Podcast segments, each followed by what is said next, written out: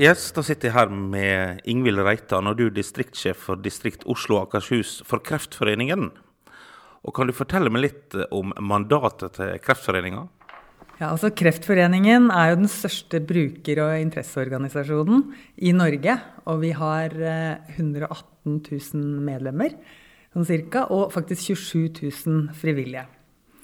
Og alt det arbeidet vi gjør, er jo basert på innsamlede midler. Og vi ønsker jo at det både blir forsket på kreft, og at vi skal eh, ha gode tilbud til både pasienter og pårørende. Men Ingvild, kan du fortelle litt om den årlige innsamlingsaksjonen eh, som holder på nå? Ja, Krafttak mot kreft er jo Kreftforeningens årlige store innsamlingsaksjon, som foregår i uke 10 og 11, altså de to første ukene i mars. Og nå i år så er det 13 gangen vi gjennomfører den aksjonen som en bøsseaksjon. Og vi har ca. 25 000 bøssebærere som er ute og besøker norske husstander og samler inn penger da, til denne viktige saken rundt både kreftforskning og til eh, tilbud for pasienter og pårørende som er berørt av kreft. Men hvordan i all verden klarer dere å få tak i 25 000 frivillige? da? Vi samarbeider med russen, og de har et fantastisk engasjement rundt om på alle videregående skoler. Så her har vi virkelig en uh, ungdom som uh, gjør en fantastisk og god innsats for å samle inn disse pengene. Noen skoler har det jo obligatorisk, andre har det ikke sånn. Men til sammen da, så blir dette her viktig. Og det vi er opptatt av, er at jo flere bøsser vi får inn, jo mer penger kommer det ut. Så bøssebærere er veldig viktig for oss å ha mange av de.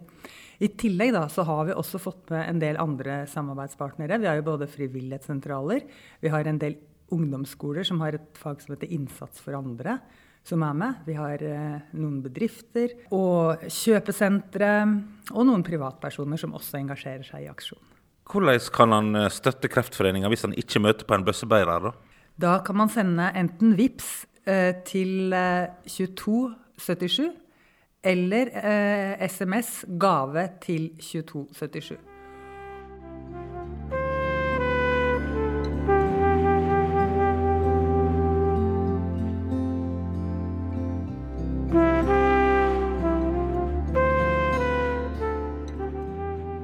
Ingvild, hvordan ble du så engasjert at du vil vie deler av yrkeslivet ditt til Kreftforeninga?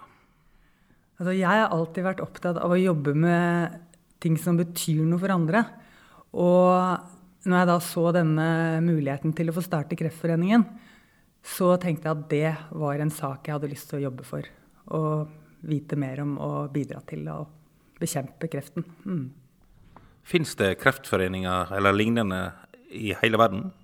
Ja, de fleste land har nok eh, en, for, en, forening som bekjemper kreft. Men Norge har jo kommet eh, langt her, da. Samarbeider dere med andre organisasjoner fra andre land? Ja, vi har jo kontakt med mange organ andre organisasjoner også når det gjelder sånne store ting, eksempelvis eh, tobakksspørsmål. For der er jo Norge kommet veldig langt. Og vi ser jo at andre ønsker å få vite mer om hvordan vi har gått frem for å få til gode tiltak da, for å bekjempe, bekjempe f.eks. tobakksbruk. Kreftforeninga har jo i en eller annen form eh, eksistert siden 1938. Og jeg lurer på, hva er, de, hva er den aller, aller største forskjellen, eller går det an å se noe likhet fra da til nå? Altså, Målet med å bekjempe kreft er jo det samme. Men det har jo vært en uh, stor utvikling i Kreftforeningen. Og um, nå vi jo, har vi jo mye fokus på frivillighet også. Slik at uh, de som har lyst til å bidra litt ekstra, kan jo melde seg som frivillige her. Og det er jo kanskje en, en endring som vi hadde da nå på for en åtte-ti år siden. Hva har dere fokus på i år da, når det gjelder krafttak mot eh, kreft? Eh, I år så er det senskader som er tema for aksjonen.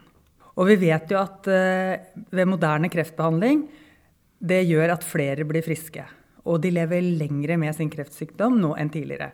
Og det medfører også en stor risiko for at folk skal få senskader. Og senskader er et helseproblem som varer i mer enn ett år etter avsluttet behandling, eller som opptrer et år eller mer etter avsluttet behandling. Og vi vet at det er mer enn en kvart million nordmenn som lever med eller etter kreft, og ca. en tredjedel av disse sliter med senskader.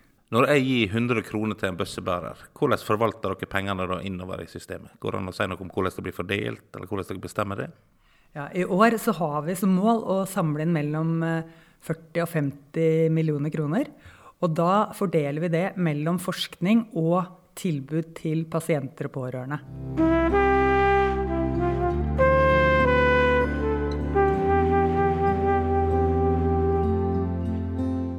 Dere er jo vel ansett som organisasjon her i Norge, men, men hva er den største utfordringa dere står overfor i Kreftforeninga? Altså en stor utfordring er jo opp, uh, å få nok midler til å forske videre og for, uh, fortsette å ha gode tilbud til pasienter og pårørende. For oss er det veldig viktig å ha et godt omdømme.